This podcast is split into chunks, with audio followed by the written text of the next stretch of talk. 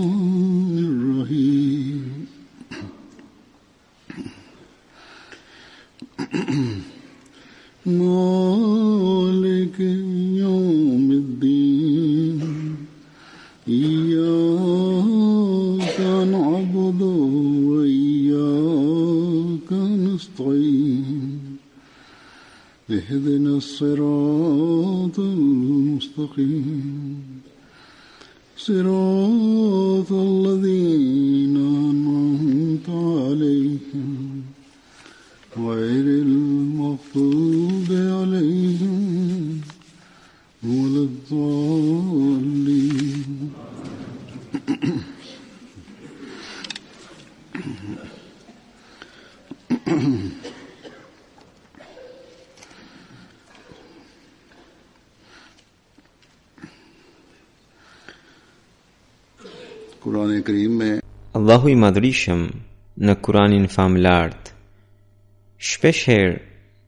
ka nxitur besimtarët për sakrificat financiare. Një vend ai thotë Wa ma tunfiqu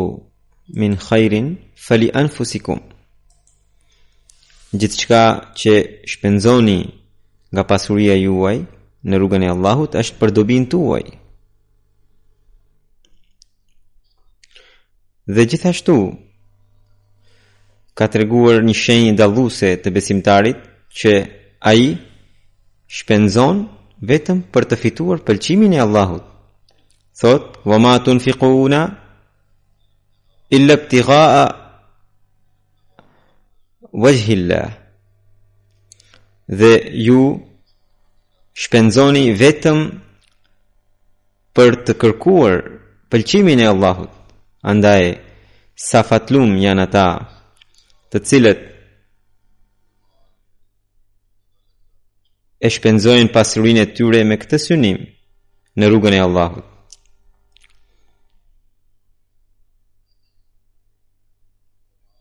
Dhe sot me bekimin e Allahut të madhrishëm në faqen e dheut përveç ahmedianëve nuk ka që Duke synuar pëlqimin e Allahut, shpenzon në rrugën e tij. Pa dyshim, mund të ketë edhe të tjerë, të cilët e synojnë pëlqimin e Allahut dhe shpenzojnë pasuritë e tyre sipas mundësisë së tyre. Por si xhamat është vetëm xhamati musliman Ahmedia. i cili duke synuar pëlqimin e Allahut dhe duke ndihmuar nevojtarët të varfrit dhe gjithashtu duke i treguar botës fytyrën e vërtetë të Islamit e mundojnë veten edhe bëjnë sakrifica financiare në rrugën e tij. Në të vërtetë, çdo shpenzim që bëjmë, qoftë për nevojtarët, qoftë për besimin, e bëjmë vetëm për hir të Allahut. Allahu i madhrishëm për veten e tij nuk ka nevojë për asnjë shpenzim nga besimtarët, nga njerëzit. Ne kur shpenzojmë për hir të tij, do të thotë për dobinë e krijesave të tij dhe për mbështetjen e fesë të tij. I dërguri i Allahu sallallahu alaihi wasallam duke iu referuar Allahut të Madhërishëm thotë, pra është një hadith kudsi ku Allahu thotë, o biri i Ademit,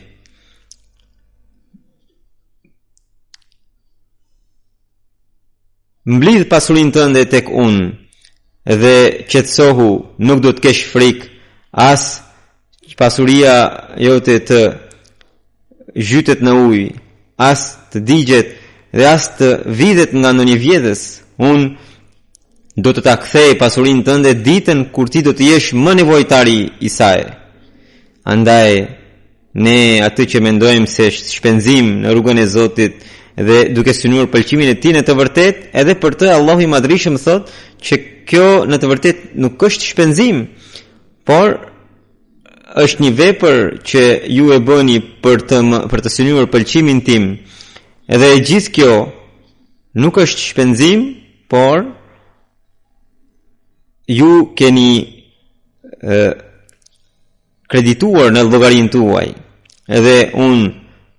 do t'jua kthej juve ditën kur juve ju nevojitet kjo par, kjo pasuri në një rrëfim tjetër thuhet që i dërguari i Allahut sallallahu alaihi wasallam tha se ditën e kiametit derisa të mbyllet çështja e e llogarima llogaridhënies njerëzit që kanë shpenzuar në rrugën e Zotit do të qëndrojnë nën hijen e parave të tyre të sigurt gjithashtu profeti sallallahu alaihi wasallam ka thënë se Zotit nuk i pëlqen paraja e pistë Atij nuk i pëlqen paraja që arrihet nga rruga rruga rruga e pa e palejueshme, por nga rruga e lejueshme, nëse ajo para, ato paratë shpenzojnë në rrugën e tij, Zoti i Madhërishëm i pranon, prandaj ne gjithnjë duhet të përpiqemi që paratë tona të jenë të pastra. Sahabët e të dërguarit të Allahut sallallahu alaihi wasallam përpiqeshin maksimalisht dhe shpenzonin vetëm për të synuar pëlqimin e Allahut duke iu përgjigjur ndonjë thirrje të profetit sallallahu alaihi wasallam punonin dhe jepnin kontribute jepnin sadakat një rrëfim në një rrëfim thuhet Hazrat Abu Masud Ansari radhiyallahu anhu thotë që i dërguari i Allahut sallallahu alaihi wasallam kurdoherë bënte ndonjë thirrje për kontributet financiare disa prej nesh dilnin në treg bënin punë dhe nëse ndonjëri merrte qoftë si shpërblim qoftë Drithra sa një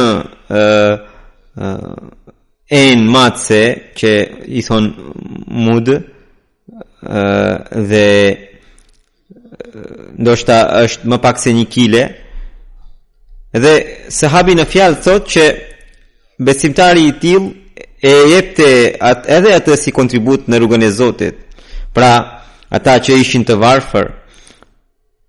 Duke u përgjigjur thirrjes së Profetit sallallahu alaihi wasallam dilnin në treg dhe punonin. Edhe shpërblimin që e gjenin ditoren që e gjenin e sillnin te Profeti sallallahu alaihi wasallam. Ndërsa të tjerët ishin kaq të pasur saqë kishin edhe 100.000 dinarë me vete Hazret Abu Bekr radhiyallahu anhu kur ai u bë musliman Ai kishte 40 mijë ash eshërfi floriri, përveç tregtisë që bënte. Ai vendosi që të gjitha këto do t'i shpenzonte në rrugën e fesë, edhe vijoi t'i shpenzonte. Dhe gjatë kohës së mërgimit, atij i kishin mbetur vetëm 500 ash eshërfi, pra monedha floriri, nëse ne bëjmë llogaritjen sipas kohës së sotme se sa ishte vlera e pasurisë së tij, Ndoshta janë 11 a 12 milion pound që është më e madhe sesa buxheti vjetor i arkës sonë Vakfe Xhedidit për të gjithë botën. Pra, kjo ishte gjendja e tyre që ata që nuk kishin asgjë, edhe ata punonin dhe edhe sikur të fitonin disa cent ose disa qindarka i sillnin tek i dërguari i Allahut sallallahu alaihi wasallam kurse ata që e kishin nuk u merakosën absolutisht për varfërinë dhe Paratë i derdhën si ujë në rrugën e Zotit. E njëjta gjë vërehet edhe tek sahabët e Mesiut të premtuar alayhi salatu sallam. Ne kemi dëgjuar shpesh sa, për sakrificat e Hazrat Kalifit të parë të Mesiut të premtuar. Sa herë që ai bëri thirrje Mesiu alayhi salam pra, ai u përgjigj me pohim. Gjithashtu ishte Khalifa Rashiduddin Sahibi, që ishte babai i nënës së Kalifit të tretë, Kur ai e dëgjoi deklaratën e Mesihut të premtuar alayhi salatu wasalam, menjëherë tha që një njeri që ka deklaruar një gjë kaq të madhe nuk mund të jetë gënjeshtar dhe e bëri bejatin. Dhe më pas përparoi jashtëzakonisht shumë edhe në sakrificat financiare si profesion ishte mjek punonte edhe në shtet, kishte shumë të ardhura.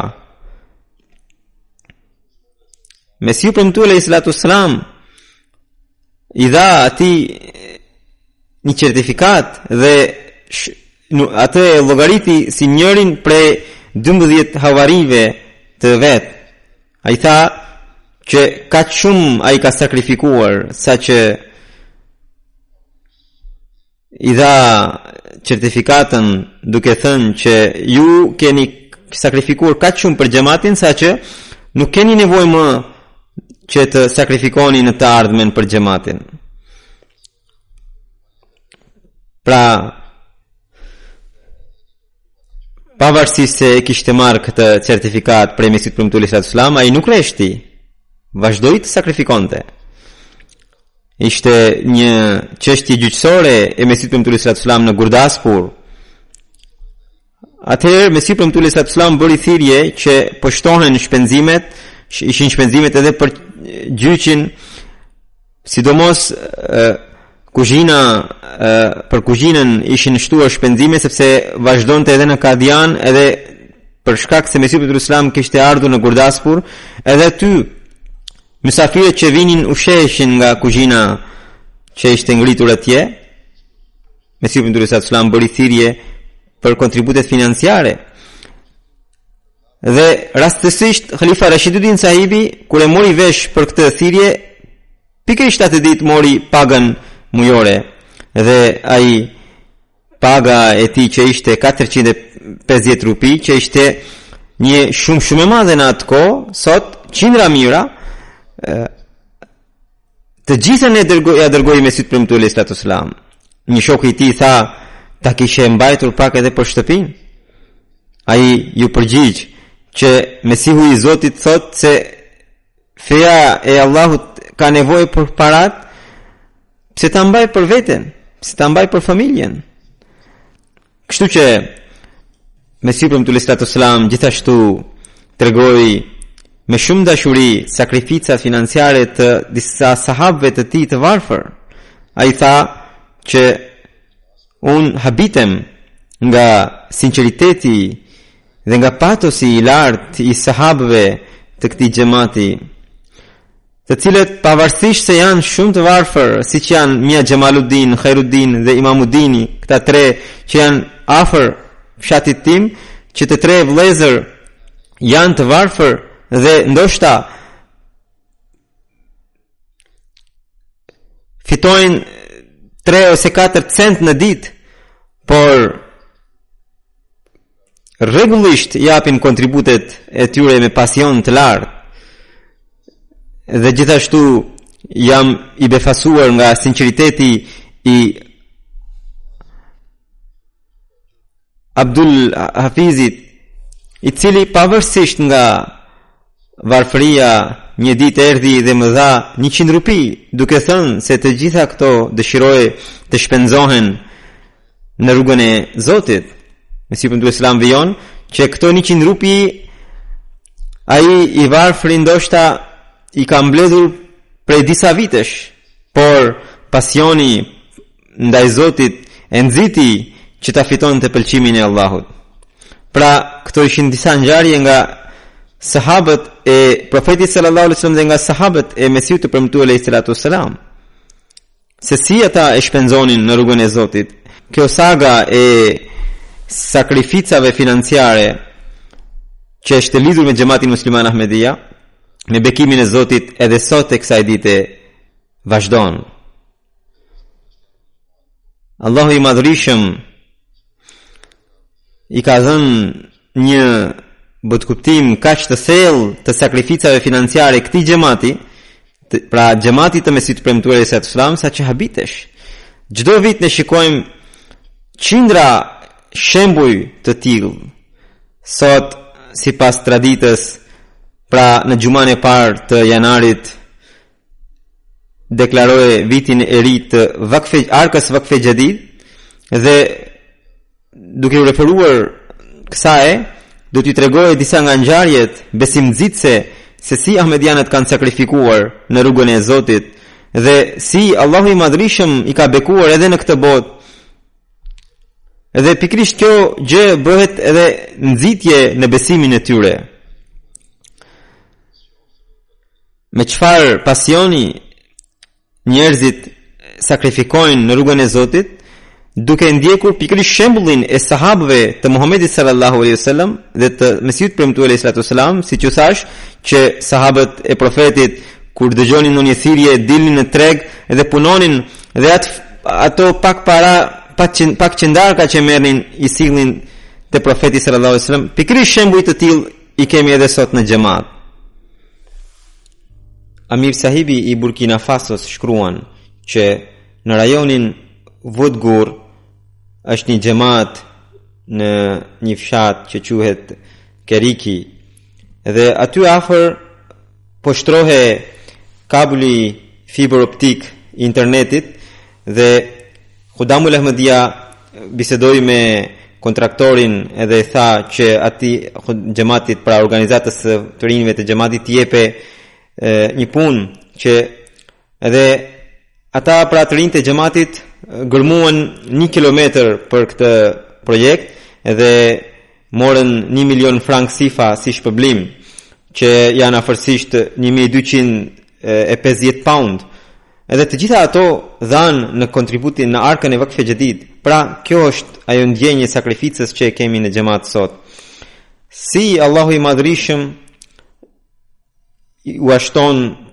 besimin të rinjve dhe fëmijëve të xhematit, një shembull të ti e kemi në rajonin Penfor të Burkina Fasos kemi një anëtar të xhematit atje që shkruan vetë ngjarjen e e tij që thotë se unë do të shkoja në udhëtim dhe po mbaronte viti i Vakfe Xhedidit nga ana tjetër edhe Drithërat po korreshin, përpara se të shkoja, i tha u thashë fëmijëve që kur të korren drithërat një të dhjetën e tyre duhet t'ia jepni në çanda, pra në kontribut. Unë shkova në udhëtim dhe më pas fëmijët pasi i korrën i sollën të gjitha drithërat në shtëpi dhe nuk dhanë asnjë kontribut. Kur u ktheva, U njoftova që e gjithë e, lashtat ishin në shtëpi, atëherë u thashë, nxirrni menjëherë përjashta dhe ndajni pjesën e kontributeve, një të dhjetën. Kështu që fëmijët ashtu vepruan.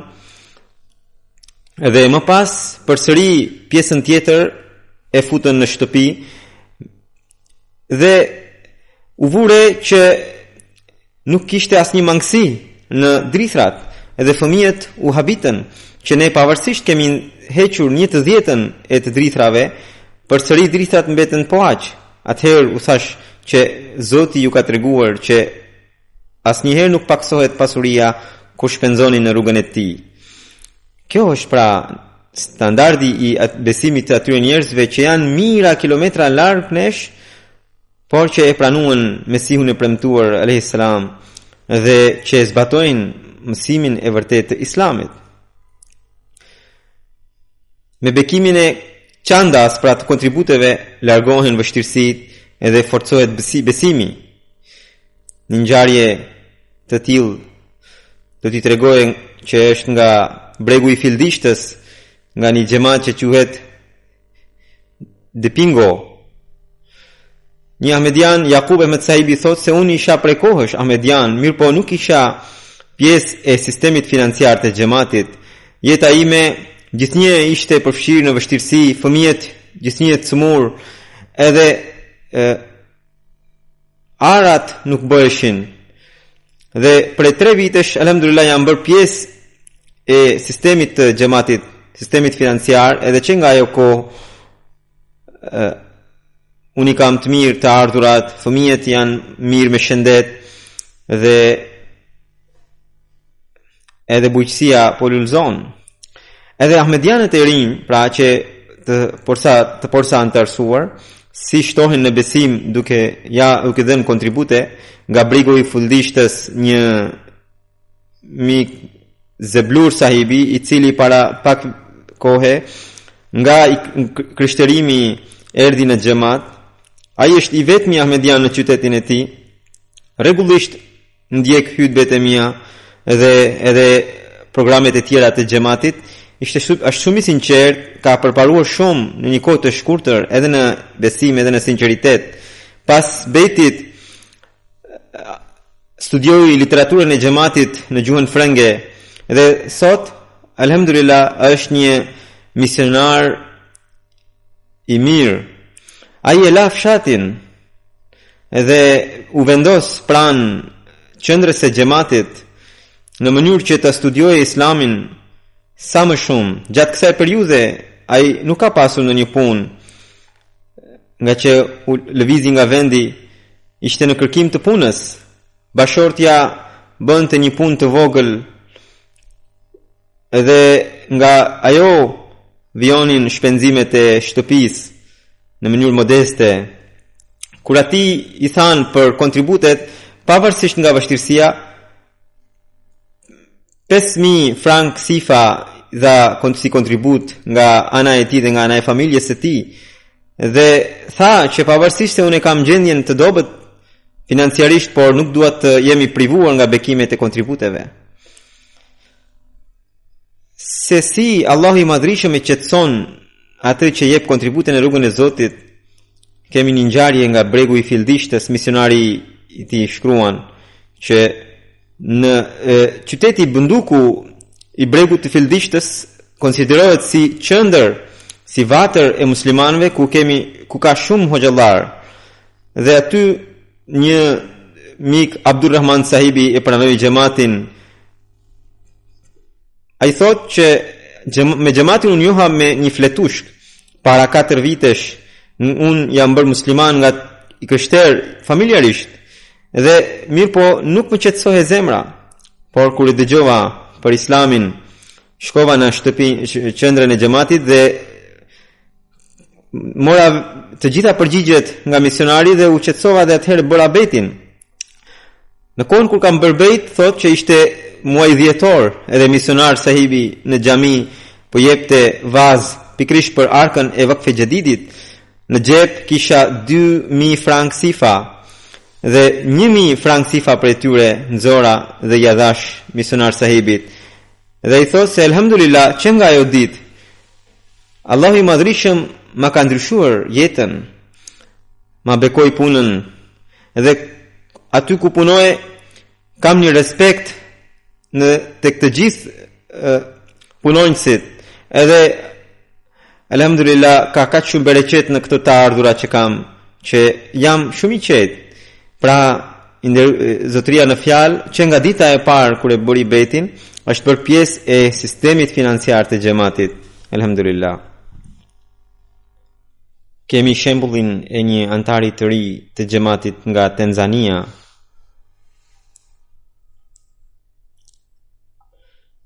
Jenny Palo Sahibi i quajtur i cili vjen nga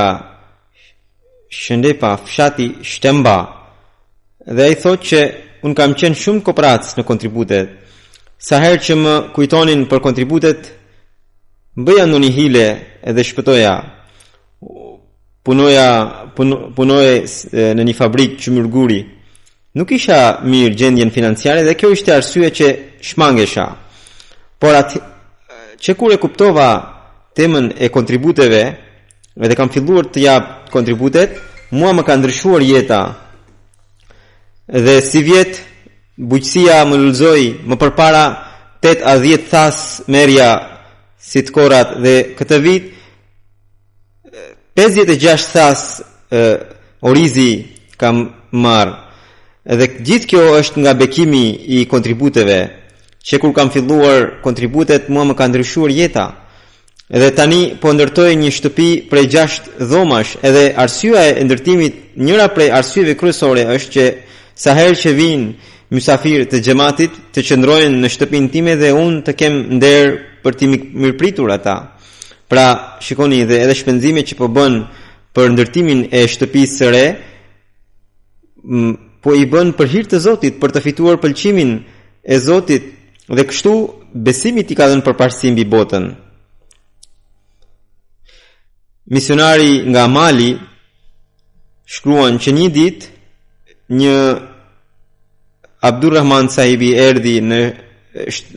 qendrën e xhamatit dhe tha se dua të bëj bejtin. E pyeta pse? Tha që gjyshi im që ishte një njeri e,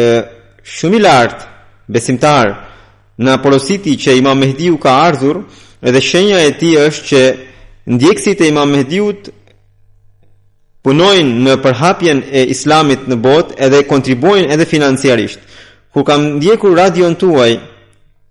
dhe kam ndjekur që Imam Mehdiu ka deklaruar se ka ardhur dhe gjithashtu kalifi i tij jep hutbet dhe në, në njërën prej hutbeve ai ka treguar ngjarjet e sakrificës financiare të anëtarëve të këtij xhamati u binda që ka ardhur Imam Mehdiu dhe porosia e gjyshit ka qenë e vërtetë dhe prandaj dua ta bëj bejtin dhe ky zotëri që nga dita kur e pranoi xhamatin u bë edhe pjesë e sistemit financiar të xhamatit Njerëzit që skajshmërisht të varfër, por edhe ata kontribuojnë në rrugën e Zotit. Dhe Zoti në mënyrë të çuditshme i bekon. Nga Gambia Amir Sahibi shkruan që një zonjë e quajtur Fatima Xhalu Sahiba, që është 49 vjeçare dhe që është nga Njamina e Vest, nga fshati Këndanami. Dhe asaj kur i kur i kemi bërë thirrje për kontributet, më tha që nuk kam as pak lek. Mirëpo, para pak kohësh, një shoqe ime më ka dhënë dhuratë një pulë, Tani shikojni edhe ky shembull është si ai që ndodhi në Kadian në kohën e kalifit të dytë që një grua solli ë pulë bashkë me vezët edhe edhe kjo zonjë e solli këtë pulë dhe tha se nëse xhamati e pranon këtë si kontribut do ta jap. Xhamati e ka pranuar. Edhe më pas tha që unë Jam shumë e shqetësuar për xhaxhain tim, i cili është i vetmi kujdestar për familjen tonë. Dhe ai para pak ditësh është në në burg dhe ka marrë pretencën që ka prishur sigurinë e shtetit dhe për 7 ose 8 vjet do të jetë në burg. Edhe më pas ajo pra dha kontributet dhe më shkroi edhe mua letër për lutje për lirimin e xhaxhait dhe dhe kushdo që ka dëgjuar për lirimin e, e pra e tij sepse xhaxhai u lirua pas pak kohe sepse gjykata e shfajësoi atë dhe kushdo që e dëgjonte tha se kjo është një mrekulli sepse në, për këtë ë Pretencë askush nuk lirohet. Dhe edhe xhaxhai kur e mori vesh që mbesa pas ka paguar kontributet në këtë formë dhe i ka dërguar edhe kalifit të kohës letër për lutje, u ndikua jashtë mase dhe e kuptoi vërtetësinë e xhamatit dhe e pranoi xhamatin me bekimin e Zotit. Fatima Sahiba rregullisht jep kontributet, bën edhe tabligh të tjerëve dhe tregon edhe bekimin e kontributeve dhe se si xhaxhai i tij u lirua nga burgu dhe u iu zgjidhën vështirësitë. Pastaj jo vetëm në Afrikë, por ahmedianët po shtohen në sinqeritet edhe në vendet e zhvilluara dhe tregojnë shembujt e tyre Misionari i xhamatit nga Australia, Sejed Daud Ahmed Sahibi, shkruan që një djalë i ri ahmedian nga Melburni, i cili është student në një universitet, sipas premtimit e kishte paguar kontributin e Vakfe Xhadidit, Mirëpo, ditën e Xhumasë, kur kam bërë nxitje për gjithë anëtarët, ai përsëri bëri një premtim për pesëqind e pesëdhjetë dollarë dhe të nesërmen edhe e pagoi. I riu në fjalë punon part-time edhe çdo 15 ditë, pas çdo 15 ditësh nga universiteti ai merr 500 30 dollarë, por këtë vi, këtë herë ai mori 1232 dollarë, të cilën nuk e shpresonte. Edhe ai thoshte që kjo ishte bekimi i kontributeve. Amir Sahibi i Fixhit thotë që Një anëtar i xhematit që është nga fshati Nasërvanga, që është shumë i sinqertë dhe shërben si sekretari i financës në xhemat, thotë që qëkur kam filluar të jap kontributet, Zoti më ka bekuar punën. Bashkëshortja e tij ka ardhur nga një familje krishterë dhe ajo vetë thotë se gjithë bereqeti është për shkak të kontributeve, përndryshe neve nuk na përfundonin borxhet. Nga Benini, Kemi një xhemat të vjetër edhe aty misionar sahibi Hamid sahibi pra thotë që vendasit këtu në përgjithësi merren me bujqësi dhe mbjellin pambuk Fshatarët kishin mbledhur pambukun në një vend në mënyrë që ta çonin në fabrikë, por papritmas aty ra zjarr dhe miliona e, lekë kanë pasur humbje dhe vetëm një njeri nuk e, vetëm një njeriu nuk iu dogj pambuku. Banorët thanë që kjo ishte një mrekulli dhe i thanë se Zoti ta ka shpëtuar. Ai thoshte që unë besoj në Zot dhe unë jam i bindur që Zoti ma ka shpëtuar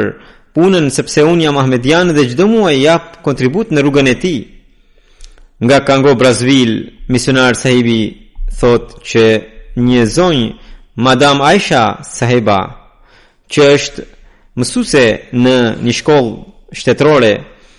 erdhi bashkë me të birin në shtëpinë e misionit dhe tregoi vështirësitë e saj financiare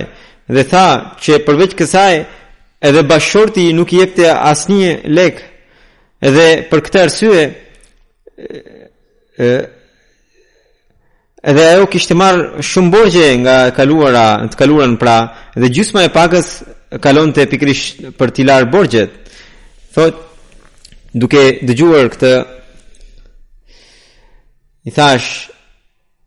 misionari thotë se i thashë që të shkruante një letër kalifit dhe një, për lutje dhe së dyti të paguante rregullisht kontributet në rrugën e Zotit sipas mundësisë. Thotë që ajo menjëherë më shkroi letër duke m'u drejtuar mua pra, dhe më pas vendosi të paguante rregullisht edhe kontributet. Dhe e pagoi edhe nga ana e saj dhe nga ana e familjes. Nuk kaluan shumë ditë që bashkëshorti vetë filloi të paguante qiranë e shtëpisë pagesën e shkollës dhe gjithashtu motra e saj e madhe që e kishte zaptuar gjithë pasurinë e të atit dërgoi papritmas 100.000 frank sifa dhe ajo zonjë e mori në telefon misionarin e xhamatit dhe tha se gjithë kjo ndodhi për shkak të bekimit të kontributeve dhe e, solli 10.000 frank sifa të tjera si kontribut. Sedër Lexhna, pra kryetarja e grave e Kanadas, thotë që njëherë pati një takim me vajzat e universitetit edhe një nga ato asaj i thashë që duhet të kontribuosh në rrugën e Zotit dhe ajo vajzë kishte 50 dollarë në xhep dhe si studente këtë kjo, kjo, kjo shumë ishte shumë e madhe për të por ajo tërësisht domethënë e dha në rrugën e Vakfe Xhadidit edhe pas dy javësh ajo mori një bursë 800 dollarë nga universiteti dhe tha që kjo ky ishte bekimi i kontributeve. Kemi një ahmedian nga Egjipti, Abdurrahman Sahibi, ai thotë që ai më ka shkruar mbase në qershor këtë vit, Dhe thotë që xhumanë e kaluar unë kam pasur 100 paund egjiptian dhe 50 prej tyre i dhashë në rrugën e xhamatit dhe 50 e mbajta për vete. Unë banoj në një vend ku nuk kam asnjë të afërm dhe përveç Zotit nuk është askush me mua. Edhe rroga më vjen me vonesë zakonisht dhe por pas kësaj Më erdhi shumë shpejt edhe unë prita dy ditë dhe pas dy ditësh kur shkova pashë që rroga jo vetëm që kishte ardhur, por ishte 60% ishte shumë ishte ishte rritur. Edhe unë kam vendosur tani që gjysmën e kësaj ta jap në rrugën e Zotit. Lutuni që Zoti të ma forcojë në besim. Nga India, Përgjegjësi i Vakfe Xhedidit Selim Khan Sahibi thotë që isha në një udhëtim në provincën Guxharat për Vakfe Xhedid dhe mora në telefon një anëtar të xhematit dhe thashë që për një orë do të jemi në shtëpinë tuaj. Kur vajtëm pas një ore, Edhe teksa po bisedonim me të, ndër papritmas erdhën dy njerëz dhe biseduan me të dhe morën frigoriferin e shtëpisë dhe ikën. Pyeta, çfarë është situata? Si, cila është situata? Ai tha se ju më thatë se pas një ore do të vij, edhe unë nuk kisha asnjë lek për t'ju dhënë. Edhe kishim këtë frigorifer, edhe e shitëm. Edhe këtë shumë inshallah do t'jua japim juve. Unë i thashë se pse do ishte pse ishte kjo ne, nevojë. Ë mos e bëni këtë gjë, kthe ktheni frigoriferin. Mirëpo ai nuk u bind dhe tha që nuk është e mundur që një njeri të vijë nga qendra e xhematit në shtëpinë tonë edhe të kthehet duarbosh. Zoti vetë do t'i bekojë paratë tona. Allahu e bekoftë edhe tha që frigoriferin do ta blejmë prapë pra ka shumë njerëz që e, janë edhe nevojtarë por prapëseprapë japin kontribute nga po nga India përgjegjësi i Vakfe Xhedidit thotë që Munavër Sahibi po pra thotë që në udhëtimin në Jupi në xhematin Sandën Shkova një ditë në një shtëpi edhe ai tregoi arsyet financiare edhe nuk dha asnjë lek dhe tha se hajdeni nesër. Të nesërmen kur shkova përsëri tek ai, përsëri ai tha se nuk më kanë ardhur lekët akoma. Shikoni pra edhe fëmijët se sa shumë të pasionuar janë për të kontribuar në rrugën e Zotit. Ishte një vajzë e vogël që dëgjonte gjithë këtë dhe erdhi tek babai dhe tha që ti më ke premtuar që ngaqë po shtohet po vjen dimri dhe do më blesh këpucët. Edhe këtë shumë që e ke mbajtur për mua, ma jep mua. Ajo insistoi edhe e mori shumën edhe atë atë shumë e dha si kontribut në Vakfe Xhedid, duke thënë që këpucët do më vijnë prapë, por çanda pra kontributet duhet t'i jap tani. Unë në fakt kam dhënë udhëzimin që xhemati të kujdeset për shtëpitë e tillë, nëse njerëzit e tillë japin në rrugën e Zotit, nuk duhet t'ia merrni, nëse prapë se prapë ata insistojnë, atëherë merrni, por më vonë duhet të kujdeseni për shtëpinë e tyre. Përgjegjësi i Vakfe Xhedidit po nga India, Farid Sahibi, thotë që në muajin janar, më falni, në muajin nëntor, udhtova në provincën Jupi për Vakfe Xhedidin, dhe mora vesh që një shtëpi prej shumë vitesh nuk ishte në kontakt me xhematin, Kur shkova dhe kontaktova dhe shkova, ata thanë se ne duam të japim kontributet jo vetëm në arkën Vakfe Xhedid, por në të gjitha arkat e xhematit. Kështu që e zotëria në fjalë llogariti se sa do të ishin kontributet e tij e të familjes së tij në të gjitha arkat e xhematit dhe aty për aty dha 15000 rupi për Vakfe Xhedidin. Në këtë mënyrë Nga bekimi i Vakfe Xhedidit, një familje që ishte shkëputur nga xhemati iu bashkua edhe një herë. Kështu që siç thashë, që nganjëherë përgjegjësit tregohen të dobët dhe nuk i kontaktojnë xhematet, madje disa herë për, për shumë kohë, prandaj i gjithë sistemi duhet të angazhohet dhe duhet të gjallërohet. Këto ishin disa nga ngjarjet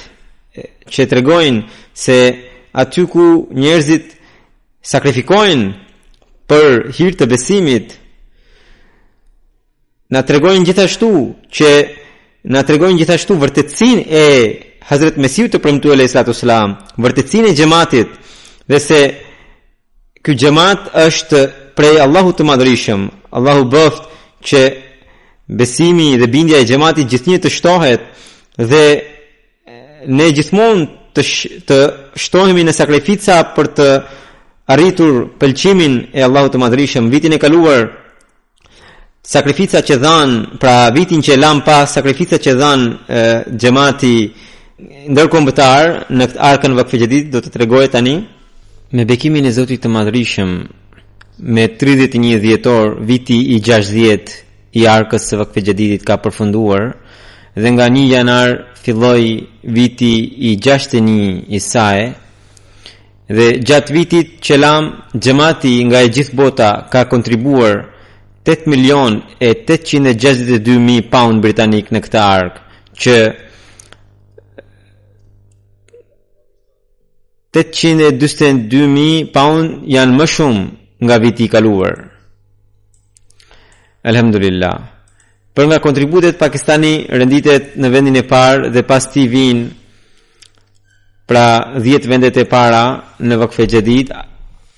Anglia, së dyti Gjermania, në arkën e Tehrike Xhedidit ishte e kundërta. Në vendin e tretë është Amerika, pastaj Kanadaja, India, pastaj Australia,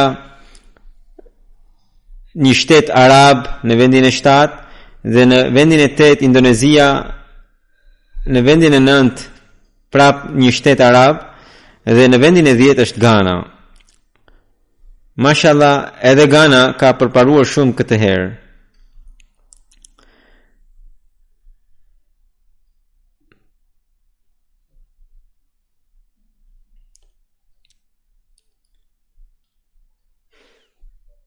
Për nga monedhat vendase, xhematet që kanë bërë përparime të dukshme në krahasim me vitin e kaluar janë,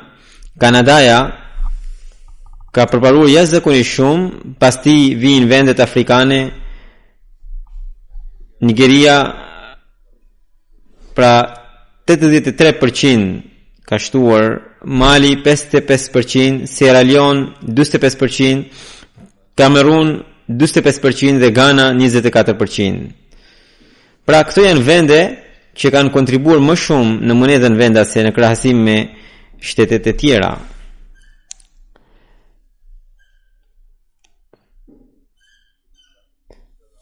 Për sa i përket numrit të pjesëmarrësve,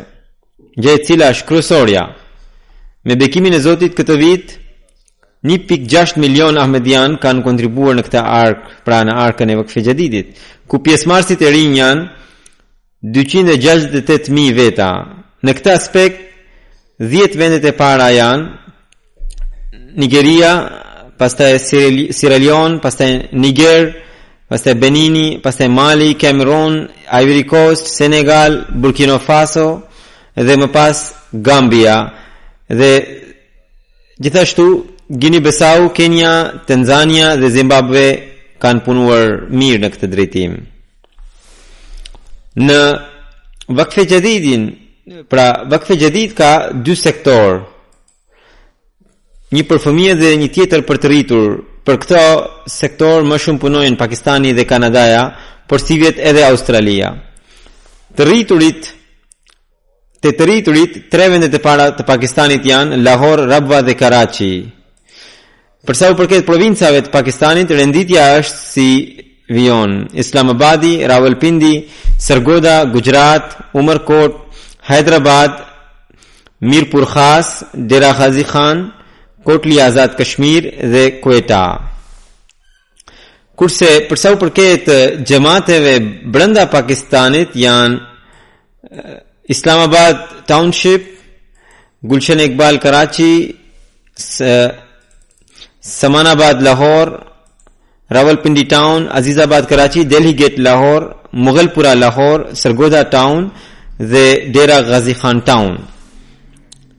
Tek fëmijët, tre xhamatet e para në Pakistan janë Lahore, Karachi dhe Rabwa.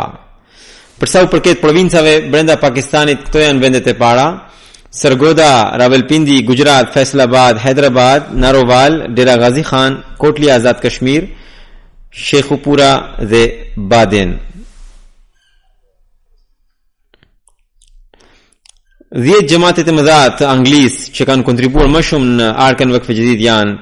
Worcester Park, Masjid Fazal, Birmingham South, pastaj Gillingham, pastaj Birmingham West, pastaj New Malden, dhe pastaj Glasgow, pastaj Islamabad,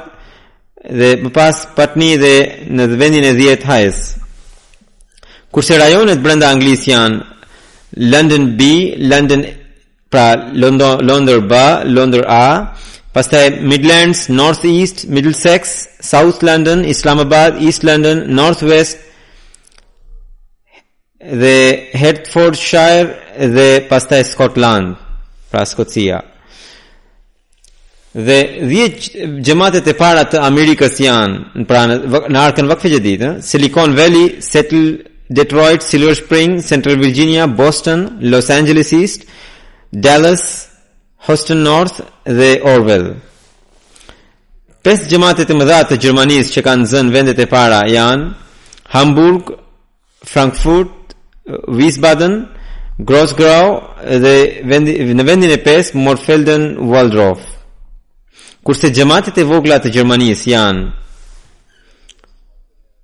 Rödermark, Neuss, Mahdiabad, Nidda, Friedberg, Koblenz, Flörsheim, Weingarten, Pinneberg dhe Langen. Rajonet, pra imarat e para të Kanadasë për nga kontributet janë Vaughan, Calgary, Peace Village, Brampton, Vancouver dhe Mississauga. Dhe 10 xhematet e para të Kanadasë janë Durham, Edmonton West, pastaj Saskatoon South, Windsor, Bradford, Saskatoon North, Montreal West, Lloydminster, Edmonton East dhe në vendin e 10 Abbotsford. Pesë xhematet e Kanadasë që kanë punuar më shumë për sektorin e fëmijëve të arkës së kujit janë Durham, Bradford, Saskatoon South, Saskatoon North, Lloydminster. Kurse pesë rajonet imaratet pra e Kanadasë që kanë punuar më shumë për sektorin e fëmijëve të kësaj arke janë Peace Village, Calgary, Vaughan, Vancouver, Weston. Provincat e Indisë për nga kontributet janë Kerala, Jammu Kashmir, Telangana, Karnataka, Tamil Nadu, Odisha,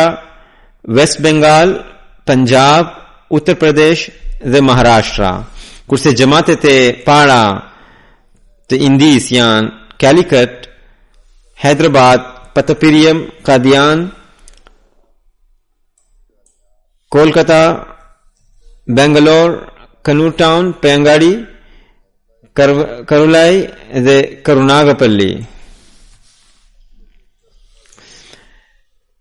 Dhjetë xhamatet e mëdha të Australisë që kontribuan më shumë janë Castle Hill, Brisbane Logan, Marsden Park, Melbourne Langwarrin, Berwick, Penrith, Plumpton, Blacktown, Adelaide South dhe Canberra. Xhematet e para të Australisë për sektorin e fëmijëve janë Brisbane Logan, Penrith, Brisbane South, Melbourne, Berwick, Adelaide South, Melbourne Langwarrin, Plumpton Castle Hill, Marsden Park, Mount Druitt. Allahu ua bekoftë pa masë sakrificëbërësve pasuri dhe fëmijët i shtoftë në besim me sinceritet dhe e bëftë gjithsecilin